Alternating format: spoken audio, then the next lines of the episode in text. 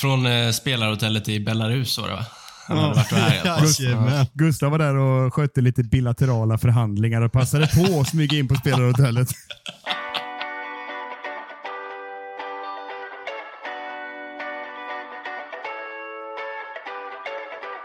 Can Manchester United score? They always score.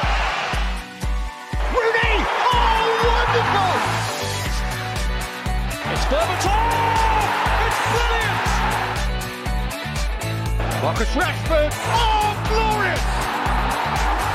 That is a special one!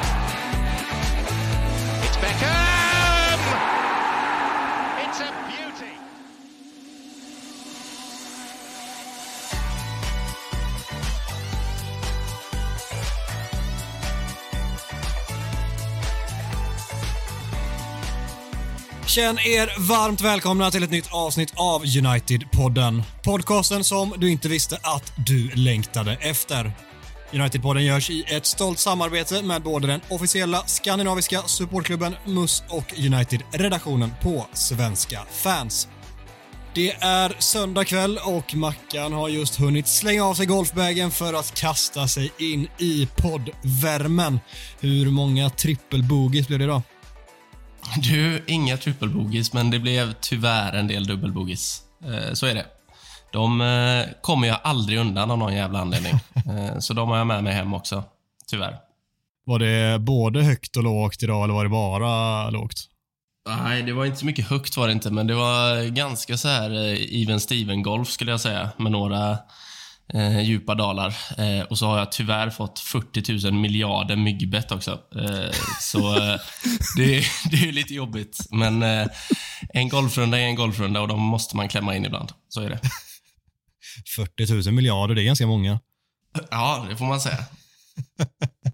Ja, Micke, du är ju såklart också asredo här, men eh, där kan vi inte blicka tillbaka på några 18 hål va? Nej, jag försökte säga något skojsigt på det, men det gick inte att kontra med det. Istället så hakar jag mig fast vid Mackans 40 000 miljarder myggbett. Det hade varit svårt att se ditt ansikte om du hade haft så många ändå, rent alltså, statistiskt. Ja, men de har klamrat sig fast på benen, alltså smalbenen och låren och sånt. Alltså det är för jävligt. Ser ut som ett... Ser ut som en eh, prickig korv typ. Vad fan Eh, spelar du? Tanga eller vad, har du inga byxor? Ja, Jag körde shorts idag. Eh, riktigt nybörjarmisstag. Eh, men, men, så är det. måste vara någon riktig jävla skepparklubb du spelar på då. För jag har lärt mig en sak i golf. Man spelar inte i shorts. Det är eh, byxor som gäller som dresscode. Ja, jag är inte på touren än va. Eh, men när jag väl kommer dit så ska jag, ska jag börja med långbyxor. Är det lite förlegat att köra bara långbyxor Mackan eller? Kan man vara lite mer hipstrig på golfbanan numera och jobba shorts och dylikt? Ja, jag brukar ju köra sån, eh, jag brukar köra shorts och så eh, brynja heter det va? Eh, och vara lite, lite skön. Slänga på mig en hatt ibland också. Fan vad fint att jobba in den här kasslerbrännan där med brynjan.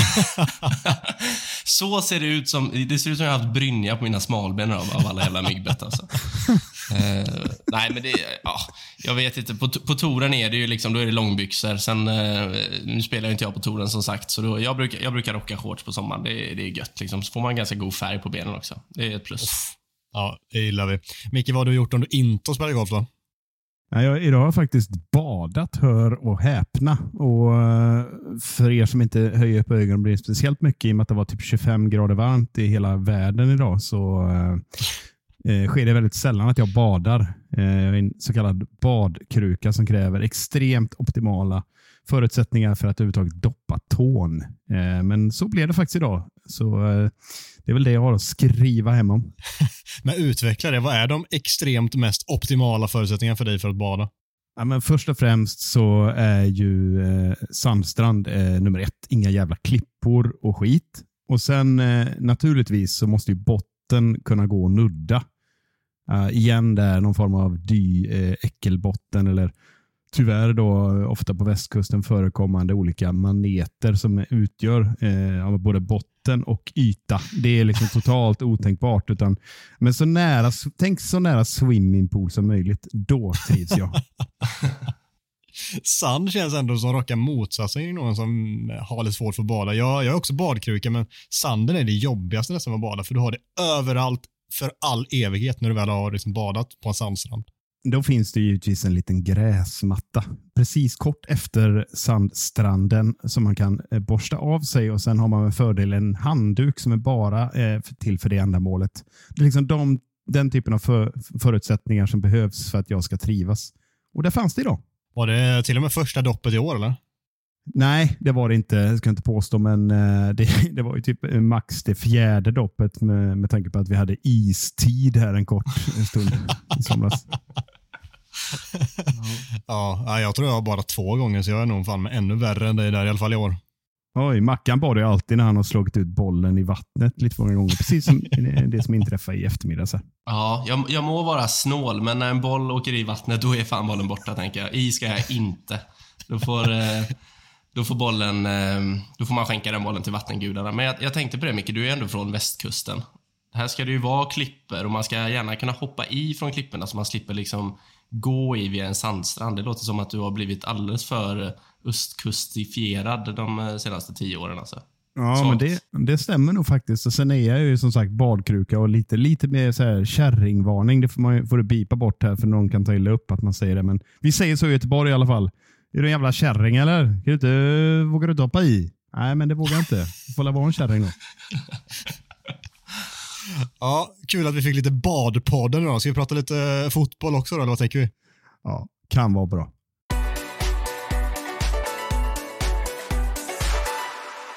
Succésegmentet Talk of the Town är tillbaka med tre stycken påståenden med aktuella ämnen som vi helt enkelt diskuterar huruvida det är sant eller inte. Veckans eh, första punkt, det är, det är lite kaostema den här. Eh, kaos, kristema kanske vi ska sätta som stämpel på de här tre punkterna idag. Första lyder så här. Kaoset runt klubben är huvudanledningen till den usla starten.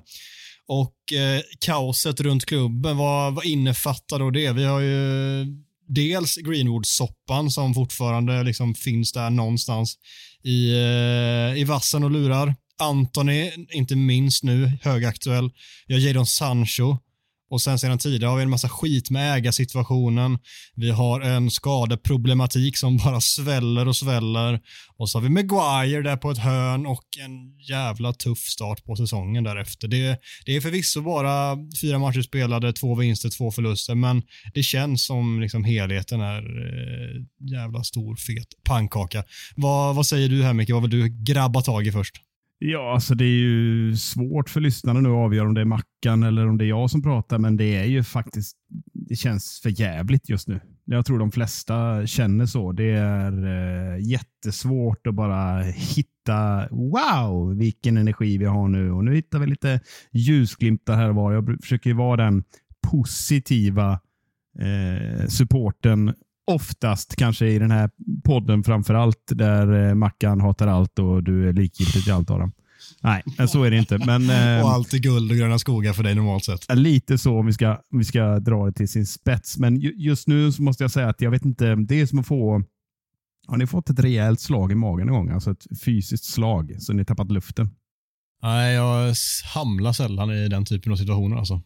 Ja, man, man tänker sig att jag borde hamna i de här situationerna ofta, men jag eh, är nog lite av en eh, så kallad kärring som du, eh, som du kring bad är jag kring liksom hetsa inte upp fel människor. Då, då säger jag det för, tyst för mig själv eller till mina kompisar. Så nej, jag har inte blivit slagen i magen. Ja, nej, men det, det tycker jag inte du förtjänar kärring-epitetet för. Däremot för typ 30 år sedan så var jag väl en sån som eh, Eh, inte tänkte så mycket innan jag sa saker. Det spelar ingen roll hur stor han var. Men det var lite lång, lång, lång passus här. Men, men eh, det jag vill mena med det är att det känns som man får typ ena slaget efter det andra. Man hinner liksom inte hämta andan så kommer det bara en ny jävla grej. Och Vi är ju marinerade i skit som du har redogjort för oss här Adam. Och mm, jag kände väl liksom att Sancho-grejen reagerar jag ganska starkt på och blir irriterad på honom. Vatten på min kvarn. Tänkte vad fan, men skicka han då. Jag orkar inte med såna här jävla lama eh, nutidstalanger. Men eh, så kommer det här med Antoni och det känns precis som man bara, jag vet, inte, jag vet inte vad jag ska säga riktigt. Det är, bara, det är som en mardröm som bara pågår. Så jag är faktiskt lite knockad av det här och måste säga att det känns lite svårt just nu att hitta något positivt, givet allt du räknar upp här. Alltså, verkligen. Och Eh, det känns ju, alltså vi har ju precis kommit ur en jävla mega följetong gällande Greenwood som inte, som nämnt, inte är helt över heller såklart, men vi har ändå nått något form av eh, slut där. Och så tar det ett par veckor och så kommer liksom nästa sån här jättegrej som är jättedålig för klubben och alla inblandade att det, att det rycks upp till ytan med, med Antoni här. Och så allting annat som vi har nämnt på det. Det är så jävla mycket grejer nu och Mackan, jag tänker att du ska få komma in här för du fick ju inte prata så mycket förra oss med tanke på att du inte var med. Och eh, då var du rätt irriterad inför det och jag kan tänka mig att du inte är jättemycket gladare just nu. Nej, och det är väl det här som, eh, som ni båda är inne på, liksom att när väl en följetong med skit är över och man kan kanske inte andas ut, men ta ett lite djupt andetag och tänka okej, okay, skönt, då, då kommer nästa smäll. Eh, och det är ju alltså det är ju bara helt sjukt att det här händer. Det är alltså spelaren som skulle ersätta Greenwood.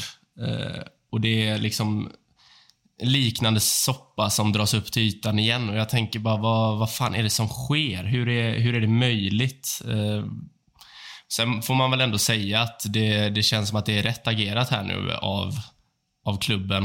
Eh, att sätta Anthony på en paus, för jag tror varken det hade varit bra för laget, för honom eller för eh, det inblandade i rättsprocessen om, han, om hans liv skulle fortgå som vanligt. Eh, jag tror inte det hade varit bra för någon. Men man, man börjar bli trött på det här nu. Alltså. Det, det har varit ett bra tag. Eh, ganska, var, hur länge sedan var det Greenwood-soppan kom fram? Eh, dryga ett och ett halvt år.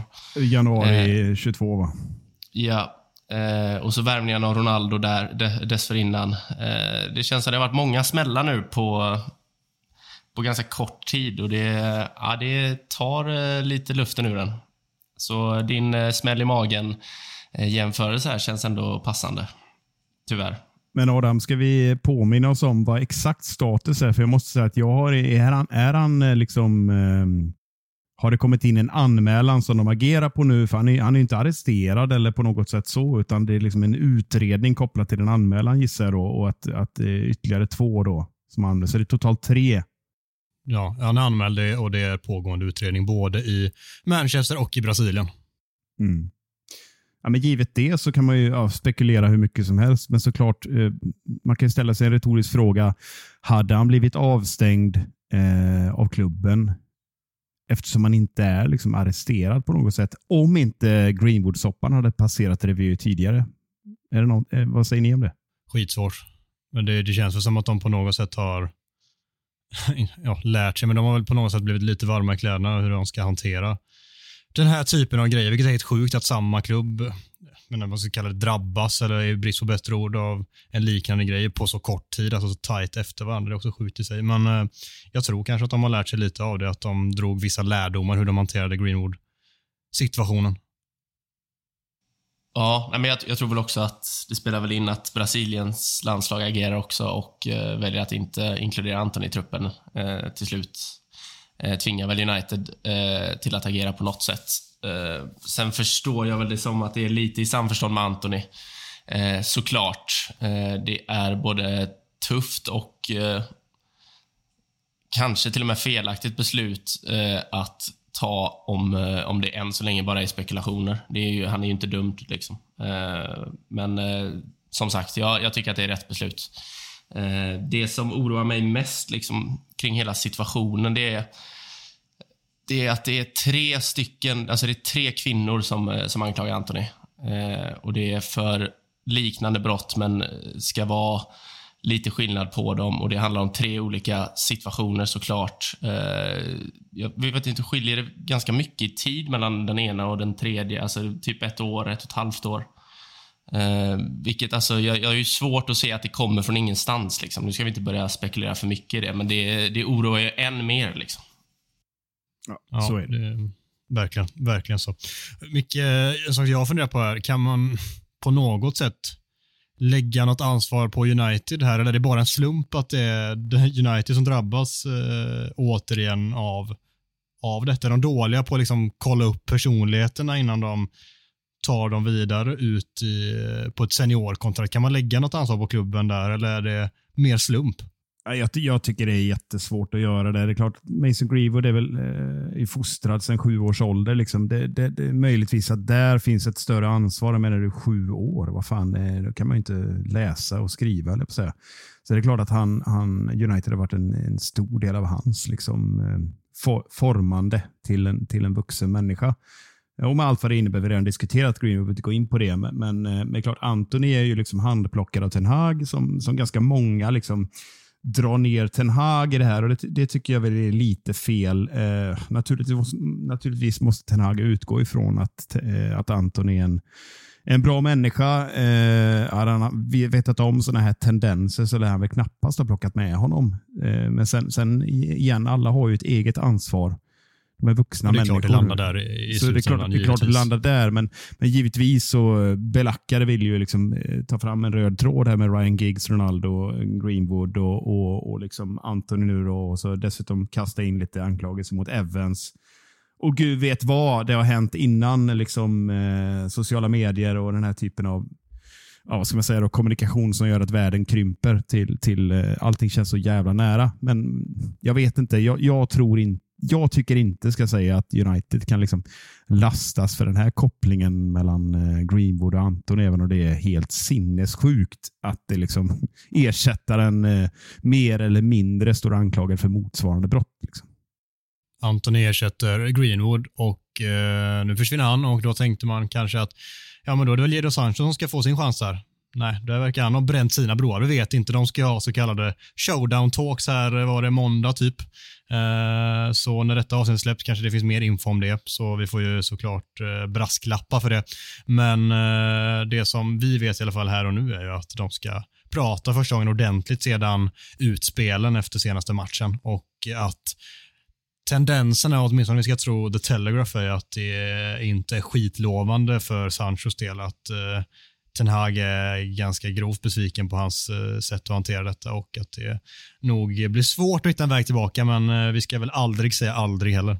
Jag, jag sticker ut hakan och bara säger att det där showdown talks tycker jag är bara är rubrik och effektsökeri i sammanhanget här. Även om det är seriösa källor så har jag svårt att tänka mig att man använder sig av den typen av epitet. Liksom det, det låter ju väldigt dramatiskt. och jag vet inte, jag, jag kanske har en förhoppning här, men, men, eh, och alla är bara människor i sammanhanget, men det känns ju så, givet situationen, allting som du radade upp här Adam, eh, det alla vi sitter och våndas över varje dag nu, så känns det som att det är ett bra läge för Sancho och klubben att gräva ner stridsyxan och enas om att nu får vi nog se till att vara vi mot världen, för det funkar liksom inte. Och den, den konflikten, vet, om den bara sitter i, i Sanchos huvud eller var den sitter, jag vet inte, men det känns ju ganska som en petitess i jämförelse här med tanke på att det blåser eh, och har blåst lite väl mycket i den här klubben nu. Så jag hoppas ju på att, att man kan någonstans eh,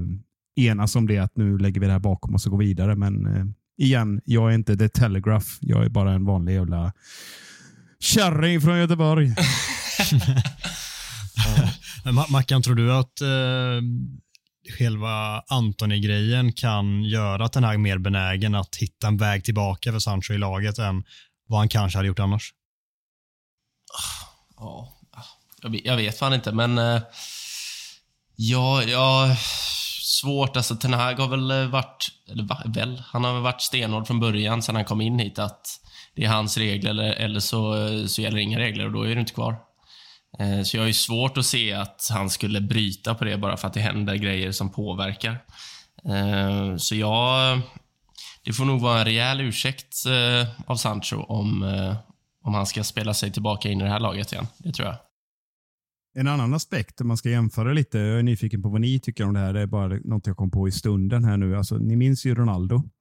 Eh, hur försiktig Ten Hag var i uttalanden runt eh, Ronaldo. Han försvarade honom när han lämnade i halvlek. Eh, han liksom inte relativiserade, men det var ändå lite, tycker jag, små bokstäver och så bara small det snarare bakom kulisserna efter den där Piers Morgan-intervjun. Eh, på något sätt. Det kanske var ett sluttande plan som var kört ändå. Men jag menar, här och nu så är han ju, visst, han har fått chansen Sancho, men han är ganska hård utåt här. Eh, relativt tar i lite mer än vad han gjorde runt Ronaldo. Sen har det handlat om att Ronaldo är en klubblegendar och eh, ja, en av världens bästa spelare någonsin, eh, vad man än tycker om honom. Så, och Sancho räknas som en talang som har svårt med disciplinen. Ja, förstår ni jämförelsen? Eh, liksom, kan det vara en förmildrande omständighet här att eh, den nya stenhårda Ten Hag kanske gör ett undantag här? Jag vet inte vad ni tycker. Jag vet fan inte alltså. Skitsvårt. Kanske. Jag tror nog ändå att det finns jag tror att det finns en liten chans att de kan hitta en lösning, men då krävs det också, jag tror att så här, han behöver, Sancho behöver typ gå ut officiellt och be om ursäkt för sina kommentarer och eh, vara väldigt tydlig med att han rättar sig efter ledet och eh, kommer eh, sköta sig framöver. typ. Liksom, alltså det behöver vara ganska ordentliga grejer och så som Sancho uttalade sig senast så känns det inte som att han är så jävla mogen för det, tyvärr. Men eh, jag håller tummarna för det, för en bra Sancho behöver United, inte minst med tanke på situationen i laget i övrigt också. Det, det, det jag fastnar vid lite med, med Sancho, det är först och främst jävligt besviken på. Han är 23 år gammal, han är inte 10 och ett halvt. Eh, det är omoget. Det, är liksom, det finns... Eh, det han rent konkret säger är ju att hans tränare ljuger. Det, är inte, det stämmer inte det han säger. Och redan där är han ju ute och seglar något fruktansvärt. Och sen att tweeten fortfarande är fastnålad. Han har liksom inte tagit bort den eller någonting. Den är fortfarande fastnålad högst upp på hans profil. Så jag, jag vet inte, fan, det känns som att han liksom inte fattar att han har gjort fel. Vilket är skevt på många sätt, tycker jag. Så jag, jag, jag har ju svårt att se att han eh, är så pass mogen att han tar ansvar för sitt eh, agerande och ber om ursäkt. Eh, det, det har jag svårt att se och det tror jag krävs. Ja, och det, liksom, det går ju att spinna vidare på eh, att han är liksom bäst betald i klubben, att han liksom, eh, var landslagsspelare, att han gjorde det grymt bra i, i Dortmund och spåddes en lysande framtid och liksom prislapp. Allting, alltså det, det är ju, det är ju liksom inte till Sanchos fördel allt det där, utan eh, en, en 23-årig spelare med, med all, all den bakgrunden som, som räknas upp här ska ju naturligtvis inte bete sig så. Och Det känns ju liksom nästan desperat det där uttalandet på något sätt, upp mot väggen. Och man undrar ju liksom hur hans rådgivare, om de ens har eh, sanktionerat eller stöttat honom i det här, det är ju ingen jättebra förhandlingsteknik skulle jag vilja säga. Om du, vad, är, vad är slutmålet då? Att ja, men jag har rätt och Ten Hag har fel och liksom jag mot klubben. Alltså det är ju helt idiotiskt. Det är ju det man liksom fastnar mest i. Liksom och känner ja. att, var, varför gör du så? Och vad tror du? Vad ska bli? Vad är liksom ditt eh, mål med det här? Det, får, jag, får jag bara flika in en sak innan vi lämnar Sancho? Alltså jag, jag förstår hans eh, frustration till stor del. Eh, och Det är inte för att, han har, att jag tycker att han har varit så jäkla bra varje gång han har fått chansen. Men sättet han avslutade säsongen på, förra säsongen, eh, sättet han eh, presterade på försäsongen eh, i den centrala rollen, eh, där vi alla enats om att han såg skarp ut, eh, var bra i en ovan roll. Eh, och så kommer man till första matchen. Okej, okay, bänk, visst. Eh, men det är, det är inga höjda prestationer från hans konkurrenter. Han kommer från en ganska stark säsongsavslutning och en bra försäsong och får inte chansen från start i en enda av de fyra första matcherna. Jag kan fatta att man blir frustrerad då. Eh, och Sen finns det ju en miljard bättre sätt att hantera den grejen på. Eh, men själva frustrationen i hur han kanske har blivit behandlad sedan försäsongens slut, det, den kan jag förstå. Eh, så det, mm. jag ville bara få det sagt. Mm, verkligen. Om vi ska be oss tillbaka till huvudpunkten eh, här på den här Talk of the Townen. Kaoset runt klubben är huvudanledningen till den usla starten. Tycker du det, Micke? Alltså det är lite svårt att bara svara ja eller nej på den. Men, men det är klart att eh, om man säger så här då, så, eh, så å ena sidan, man kan liksom se det på olika sätt, så är ju alla professionella. Och Det saknas liksom inte ursäkter i övrigt liksom med under, skador, underprestationer och delvis nytt spelsystem. Såklart, men å andra sidan så tror jag inte ett ögonblick om man tittar på presskonferensen här med Victor Lin Nilsson Lindelöf sitter bredvid Jan Andersson inför matchen mot Estland och liksom eh, på sitt sedvanliga liksom intetsägande politiskt korrekta sätt liksom säger att, eh, att allt stök och skit som händer runt klubben inte påverkar någonting. Alltså, det tror inte jag en sekund på. Så jag tror det har, det, Man känner att det finns en oro i en grupp. Det känner man. Och Jag tror ju knappast, det är inte huvudanledningen, men jag tror knappast att det har varit till gang för, för eh, ett United som, ja, men som vi alla egentligen trodde bara skulle jacka i eh, den fina säsongen från i fjol. Så jag tror att det absolut stör, men inte huvudanledning. Vad säger Mackan här då? Är det huvudanledningen? Nej, jag, jag håller med Micke helt. Jag, jag, tror inte det är huvudanledningen, men jag tror inte att... Eh, jag, jag, tror att det är svårt att prestera som bäst när det blåser total jävla storm runt klubben. Mm. Absolut. Jag vet inte ens om jag håller med om att det är en usel start. Det är en dålig start, alltså rent krasst. Det, det är såklart Tottenham borta, vi ska inte torska den matchen. Arsenal borta, det är på förhand. Det är en match man absolut kan torska. Vi gör det jävligt på ett jävligt konstigt, surt och frustrerande sätt när vi inte förtjänar att torska och sen har vi två vinster utöver det. Så jag, så här, jag vet inte ens om jag tycker att det är en usel start, men att, det, att vi befinner oss i en eh, jävligt tuff sits just nu, det kan ju alla enas om och där är Alltså, på ett sätt vill jag svara att kaoset nog ändå är huvudanledningen, för, men det är också för att det är så många komponenter där som spelar in där, som också spelar in i, i det sportsliga. Liksom, alltså Sancho-grejen, det är klart att det spelar in att han eh, är trött på hela skiten. Liksom. Att Tenag inte gillar honom, det är klart att det spelar in på det sportsliga i slutändan. Att eh, alltså Greenwood-grejen, det är klart att den finns där för alla. Anton är nu också, det är klart att det kommer påverka oss. Det har kanske inte påverkat spelet lika mycket då för att det har ju blossat upp nu efter de fyra första matcherna. Men det kommer göra det. Jag tror att det är sådana grejer som som är väldigt nära på att vara en huvudanledning i slutändan. Men eh, det är väl en kantboll. Jag, eh, jag säger att det, det är inte huvudanledning, men det är fan med nära på. Marcus Rashfords betydelse för offensiven gör United till det mest sårbara laget av Big Six-klubbarna. Då eh, kan väl Mackan få börja på den här då. Ja, men det känns som att vi har snackat om detta innan, även under förra säsongen. Jag tycker att eh, det finns absolut eh, stora perioder och många matcher där vi eh, litar fullt ut på att ge bollen till Rashford och så löser han någonting. Eh, är inte Rashford i form så går det inte så bra. Eh, där är jag väl inte lika oroad nu när vi får in Höjlund som eh, som jag tror kommer göra det lättare för eh, både våra mittfältare och våra yttrar att eh, spela bra fotboll och ge mer alternativ till offensiven. Sen tycker jag, detta har jag sagt 15 gånger tror jag, att jag tycker att det saknas för mycket, jag, jag tycker att det saknas mönster när United anfaller. Och då kollar jag alltid på Manchester City och hur det ser ut när de spelar mot låga försvar eller mot mot höga försvar. Det finns alltid sätt att bryta ner och där tycker jag att United är för svaga. Eh, sen om de är mest sårbara av topp 9, sa vi det? Nej, Big Six landar vi. Big Six. Eh, ja, fan lurigt alltså.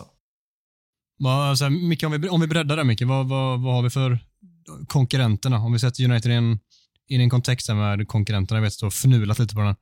Jo, men det är väl ingen hemlighet att det hade sett annorlunda ut för Manchester City om eh, inte Haaland spelar. Eh, jag noterade i en annan eh, fotbollspodd eh, i vårt skrå att man eh, pratade om detta. Jag tror det var, om det var Fotbollsmorgon eller, eller eh, någon av dobbproduktionerna som var inne på att det är inte bara att sätta in någon jävla kona där i, i det maskineriet så skulle, skulle den Eh, spelaren göra lika många mål som Haaland. Så är det ju naturligtvis inte.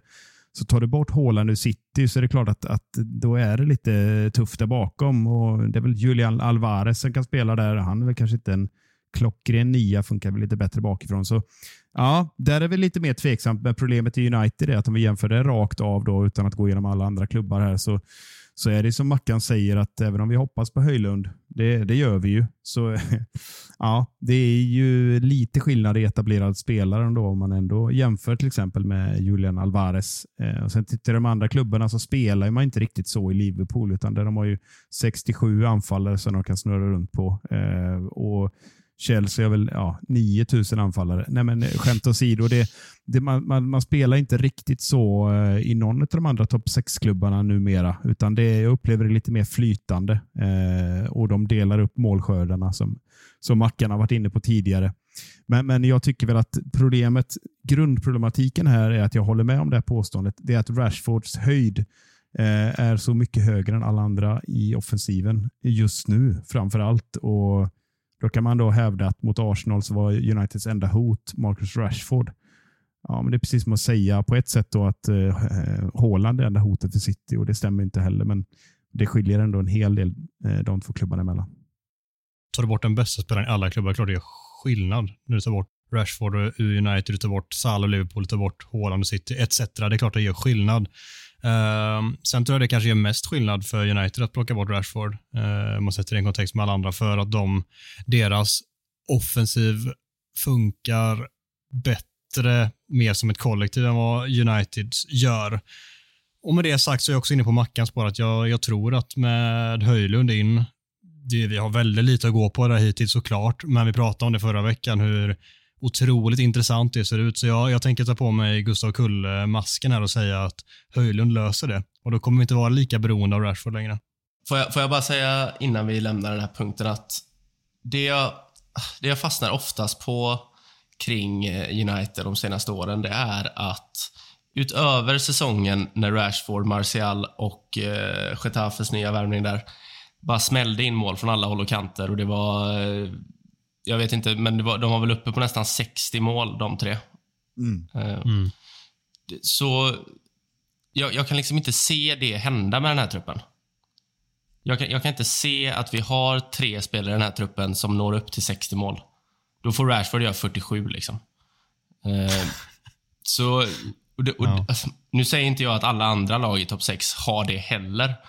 Men när man blir så Alltså när man litar så mycket på en spelare, eh, att han ska göra så pass mycket, då måste han ju få avlastning när det inte funkar. Eh, och Höjlund kan, kan garanterat bli jättebra. Eh, jag tänkte lyfta Martial nu, men han ser ju trött ut alltså.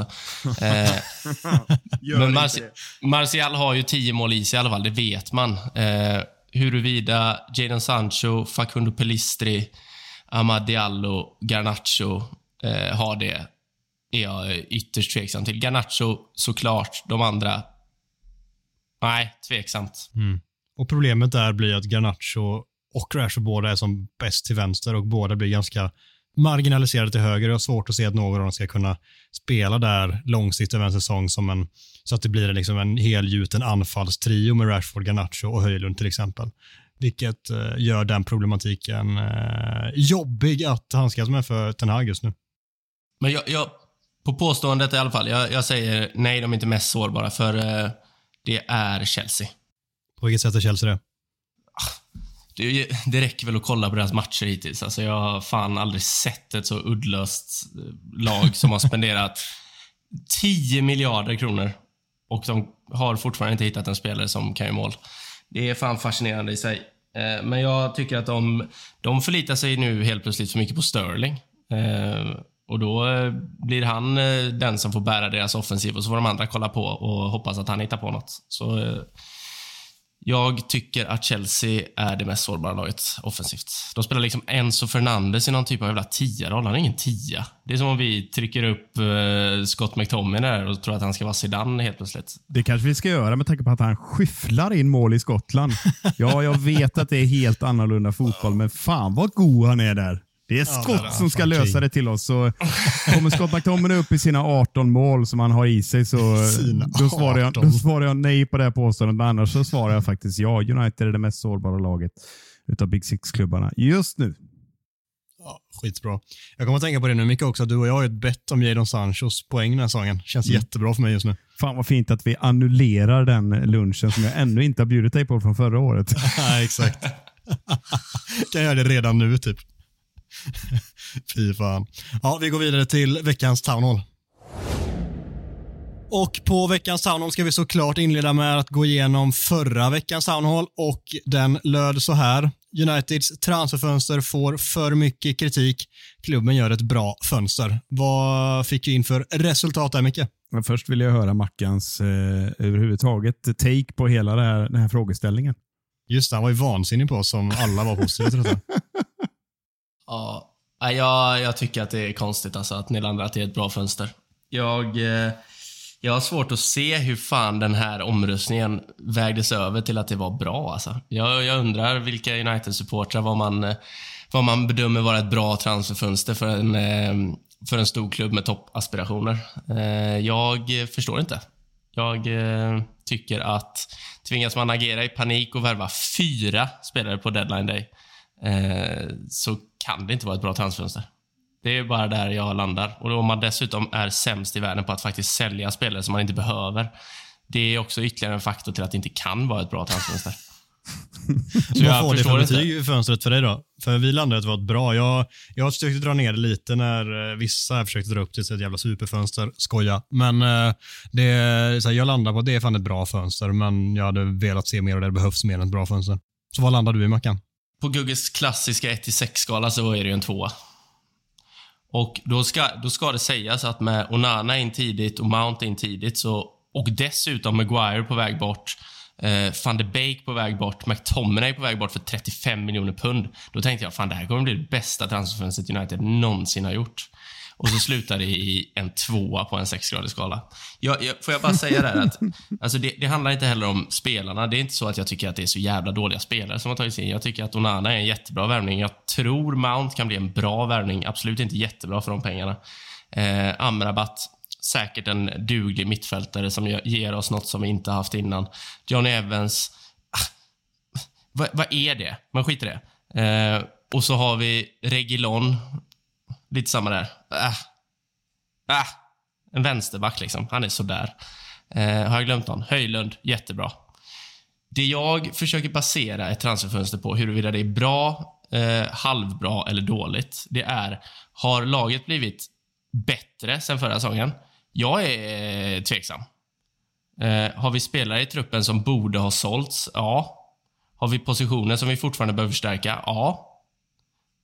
Så om man då svarar ja på alla de frågorna, så för mig är det omöjligt att landa i att det är bra då. Tyvärr. Kul att du fått reda ut det. Vill ni höra mina och Mickes och Gustavs eh, tankar och åsikter kring detta så får ni hoppa tillbaka till förra veckans avsnitt så ska Micke få gå igenom vad vi fick in på veckans townhall.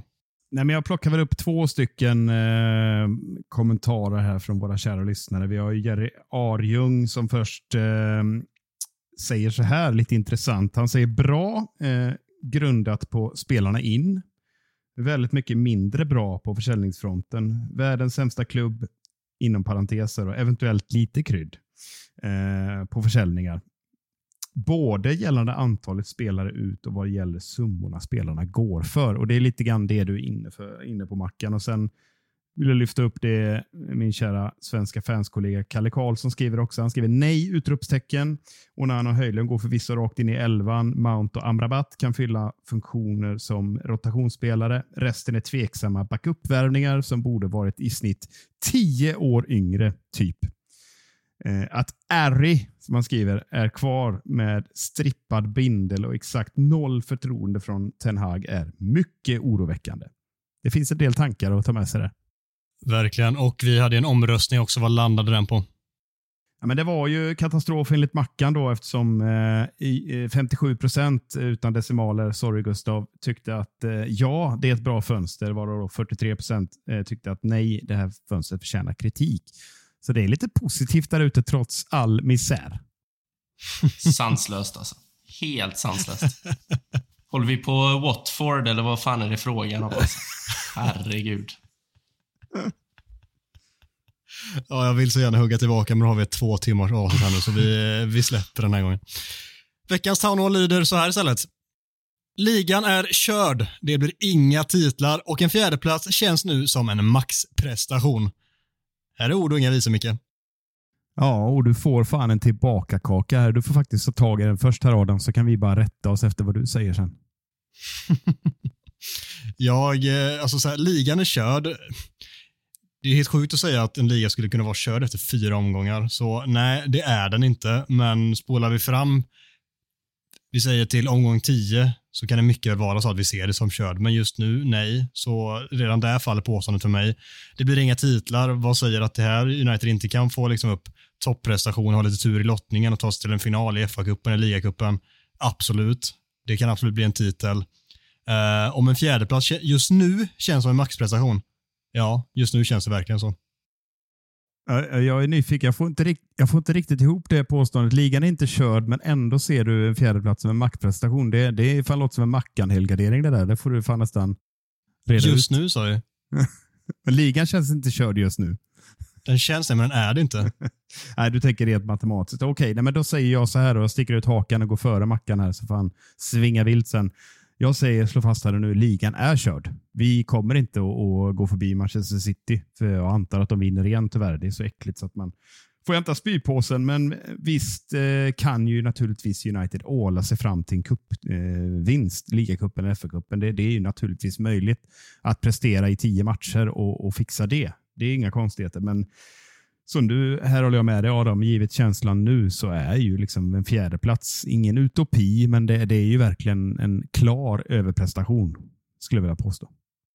Mm. Men det, det är också, det, så mycket kan ju hända och så här, om ligan är körd nu, då hade den lika gärna kunnat vara det alltså, innan första omgången med den anledningen att alla förväntar sig att City ska vinna. Men den är ju inte körd, men det känns verkligen så. Mackan, vad säger du här? Nu ska du äntligen få ta ton. Ja. Eh... Men jag svarar ja på allt då. Så, eh, så har vi någon som är tydlig och rak. Jag, eh, som jag var inne på lite här förra punkten, jag, jag tycker inte att United har blivit bättre sen förra året. Jag tycker att egentligen sen eh, ligacupfinalen förra året, eller förra säsongen, så har det, vi varit på en, på en liten... Alltså, vi har blivit lite sämre och sämre hela tiden, tycker jag. Och efter detta transferfönstret så tycker inte jag att laget ser bättre och starkare ut. Eh, så jag säger ligan är körd, vi tar ingen titel som vi gjorde förra året och eh, om vi plockar topp fyra så är det absolut en överprestation.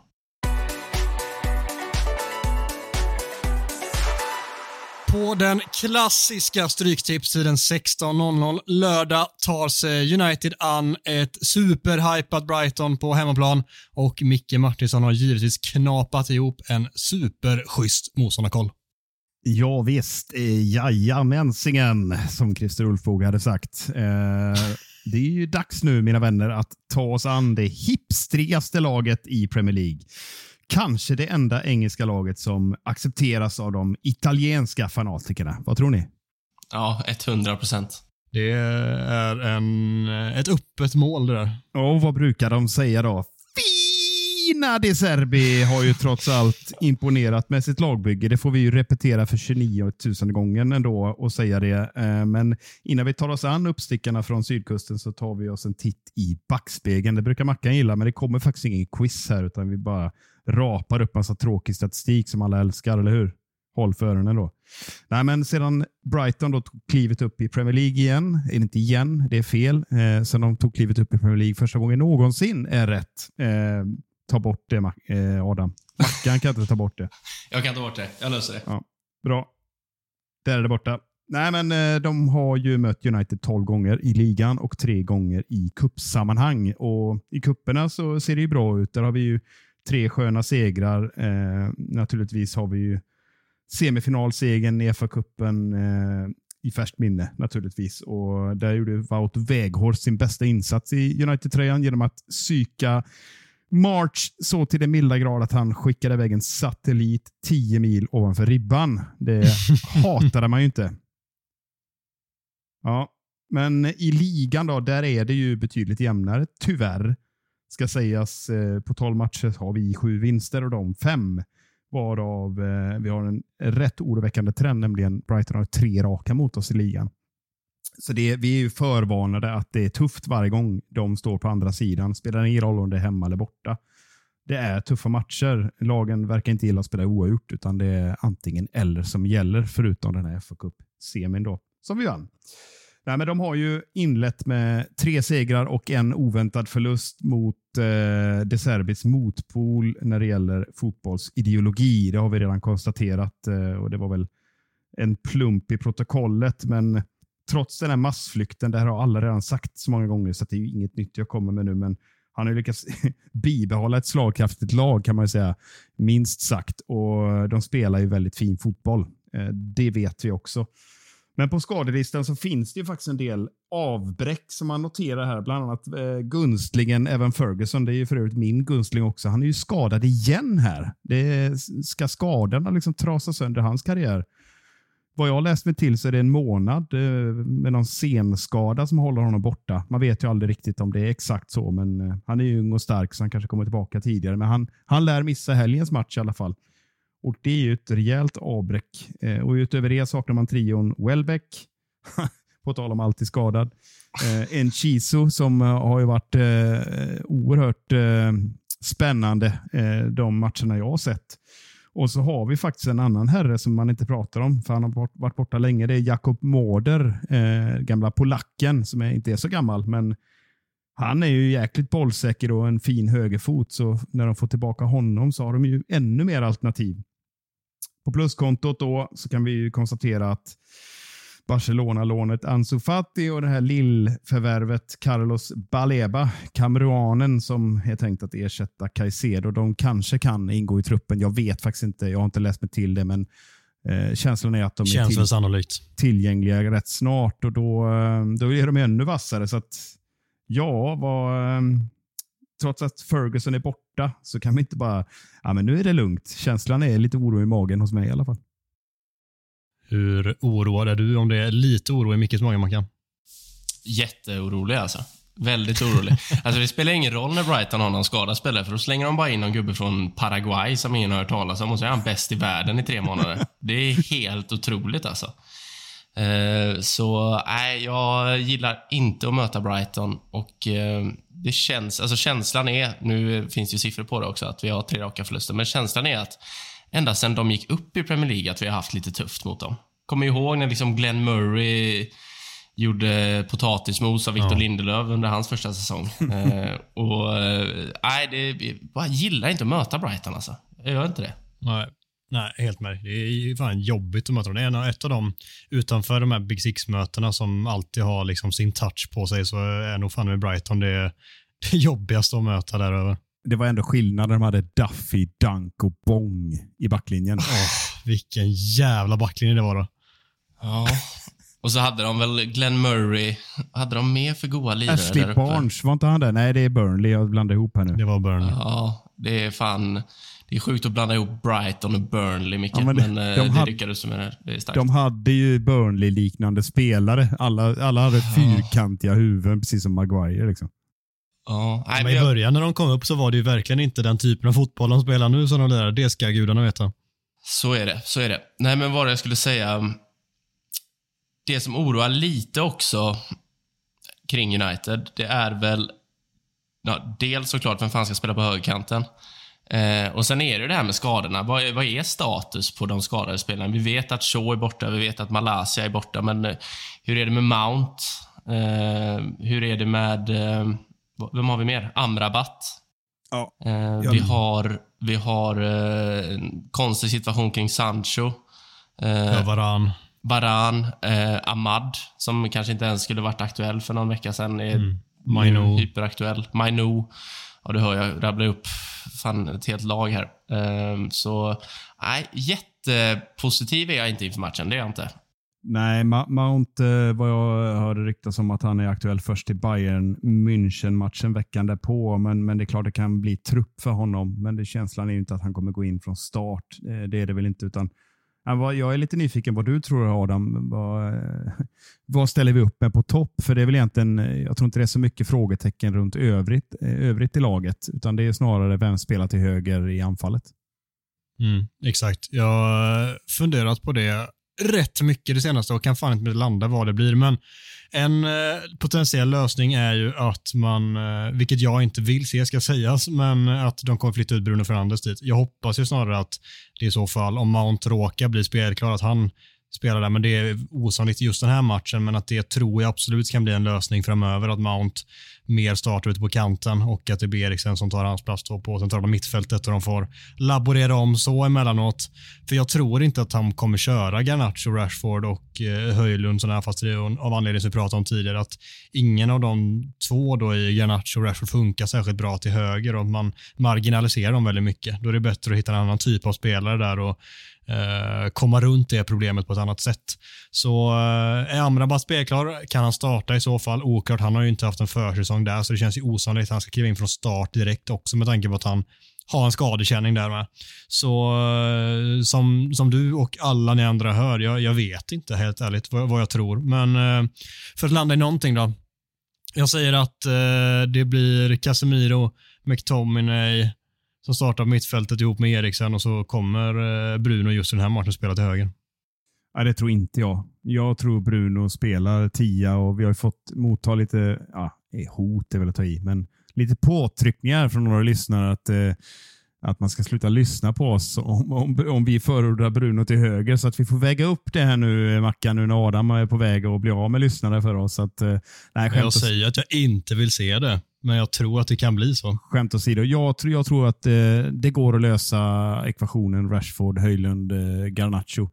De behöver väl inte vara fastspikade, utan får väl turas om och spela på sin favoritposition. Och Rashford får hemskt gärna löpa genom hela jävla planen. Jag skiter i det, men jag vill se de tre från start. Jag struntar i högerproblematiken. Jag vill att eh, Garnacho spelar.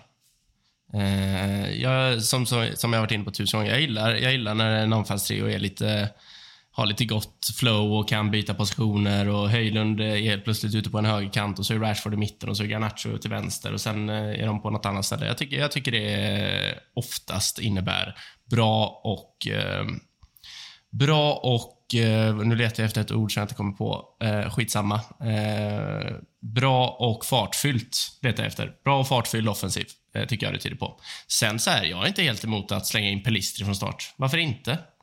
Vad har ja, vi att förlora på det?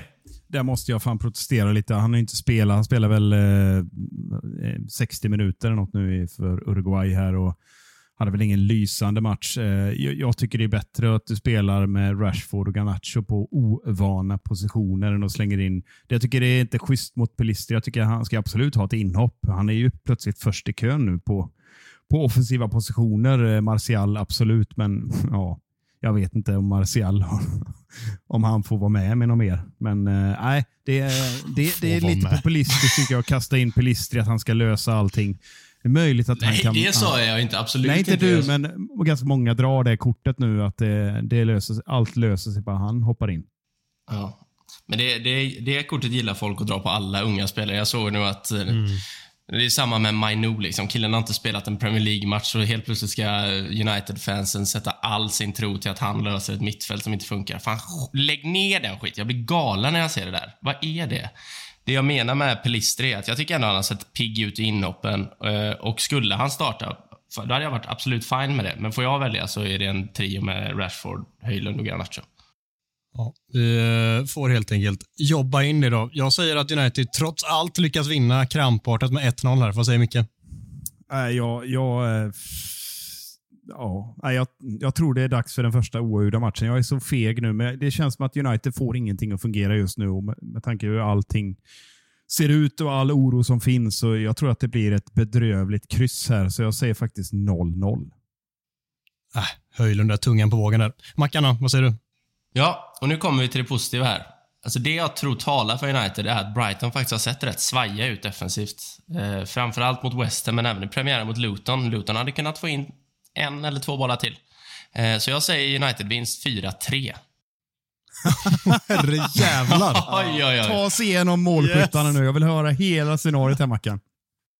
Men jag säger så här. United gör 1-0 eh, genom Rashford. United gör 2-0 genom Bruno Fernandes. Brighton 2-1, trycker på som fan för att hitta ett kvitteringsmål. Och då kontrar United in två bollar. 3-1 Garnacho, 4-1 Rashford och så pillar eh, Mitoma in 4-2 och eh, så pillar Grås in 4-3. oj, oj, oj. Så är det med det. Den gamla fina Grås. Det känns väl hur gött som helst att räkna in den 4-3an på lördag. Innan vi klappar igen butiken helt så tycker jag att vi ska gå igenom ett par av de inspelen vi fick av våra kära lyssnare inför avsnittet när vi ändå har lite tid över. Vad har vi landat på för intressant där då? Jag hittar en här från Sadja Dasari som lite svår att göra i poddformat, men hur ser Globetrotten ut i verkligheten? Är lite småkär. Är det Gustav han menar? Det måste det väl vara. Vi har ju i och för sig drivit lite om Mackan, att han har blivit en Globetrotter, men det är ju såklart Gustav. Ja, det måste vara Gustav. Eh, Vi kan väl be Gustav eh, lägga ut sina, fi- vad var det han sa, hans eh, mest likade bild där på han och Lindelöf på Instagram. På Facebook var det till och med. Så var det. Från eh, spelarhotellet i Belarus var det va? Han hade varit och härjat. Jajamän. Gustav var där och skötte lite bilaterala förhandlingar och passade på att smyga in på spelarhotellet. Lukasjenko och Gustav är ett one-on-one. Det vill man ändå, vill man ändå se. Ja, det var svaret på den frågan. Eh, skitbra poddmaterial, prata om visuella ting. Eh, annars har vi tagit upp det mesta. Alltså det är väldigt mycket frågor om eh, Anton, vi pratade lite Pelistri, gjorde vi precis här. Eh, vi kan väl ta den här också. Det angränsar lite till det, men eh, du kan ju få utveckla det, Mackan. Här. Hannes från Tinder, som vi kallar honom. Hannes Netinder, heter han egentligen. När Maino är tillbaka, hur mycket speltid tycker ni att han borde få? Vad säger Mackan? Jag börjar alltid le när jag hör Hannes från Tinder alltså. Jag Vi tycker det är så jävla från gött. Tinder. Ja, jag älskar fan Hannes från Tinder. Eh, när Maino är tillbaka, hur mycket speltid? Eh, nej, men jag tycker ändå att han eh, ska få en del speltid. Sen med det sagt så tycker inte jag att man ska slänga in honom i startelvan och bara lös detta nu som många verkar tycka. men jag, jag hade väl tyckt att jag hade väl tyckt att gör han 20 matcher den här säsongen, eh, inhopp räknade såklart, så eh, tycker jag att det är en bra nivå. Sen så här, spelar han 10 matcher och är otrolig, det är klart som fan, då ska han ju spela. Såklart. Ja, Micke, du får den sista här från Thomas Steglander. Det är ett nöje att lyssna på er trots all skit i och omkring United. Men eh, med en gammal dåres envishet frågar jag er, vet ni om att denna klubb har ett hyfsat damlag också? Intressanta nyförvärv trots två tunga. Ja, men det, jag ska ju direkt bara lägga mig platt här. Anledningen till varför jag inte pratar så mycket damlag och jag tror eh, ni håller med mig att vi är ju precis genomusla på det. Vi har liksom ingen koll. Eh, vi har eh, också en bra lans för svenska fans. Pontus Berg Nilsson där skriver fantastiska månadskrönikor om vår, vår, våra älskade Barmy Army. Eh, så att, eh, nej, alltså jag känner ju spontant att vi, vi har ju valt att fokusera på Uniteds representationslag eh, i, i, i, i Premier League, herrfotboll. Och då eh, känns det lite pajigt att sitta och chansa på massa annat. Det gör vi i och för sig alltid, men det är väl min anledning. Vad säger ni? Jo, men det, det går inte att prata initierat om någonting man inte följer nära överhuvudtaget. Det, det blir liksom inte schysst mot någon att sitta och gissa. Uh, jag hade velat titta jättemycket mer än vad jag hinner göra. Tyvärr blir det att jag inte ser tillräckligt ofta. Det blir liksom någon match då och då när jag hinner, men för att vi ska sitta och prata om det i podden så behöver i alla fall jag känna att jag har mycket bättre koll på dem eh, än så damerna. Eh, och det är samma sak gäller egentligen ungdomslagen också. Vi pratar ju aldrig om dem heller för att ingen av oss hinner se deras matcher. Det hade varit jättekul att kunna prata mycket mer initierat om både damlaget och våra ungdomar, men det vi ser är herrseniorlaget och det är det vi pratar om här. Så eh, det är kul att det växer ett intresse kring damlaget. Jag hoppas verkligen att det bara frodas. Eh, men för att eh, få ta del av det senaste där så läs Svenska fans eller Mustar. Där finns det folk som har betydligt bättre koll på damlaget och även ungdomslagen än vad, än vad vi fyra på den här tyvärr har. Vi kan väl bara flika in, det är ju, mm, på tal om Uniteds damlag, det är ju lite roligt att uh, Alessia Russo lämnade United för Arsenal för att spela Champions League. Och så bränner hon en straff i uh, kvalomgången, så de åker ut. Det är härligt. Yes. Ja, åkte de ut mot Paris där och så eh, åkte de ut och hon fick äta upp de orden. Jag älskar också att vi fick in lite Arsenal-hat i det här lilla korta segmentet. Underbart Mackan. Tack. Är det inte perfekt att avsluta ett avsnitt så då, Micke? Med lite Arsenal-hat. Det är väl det enda du vill göra. Vi eh, gör väl så att vi tackar för oss för den här veckan. Tack snälla för att ni har lyssnat på oss och det är fortsatt lika kul att ni skickar in så mycket påståenden och frågor och eh, tankar och idéer till våra avsnitt som vi kan ta med oss in i eh, veckorna.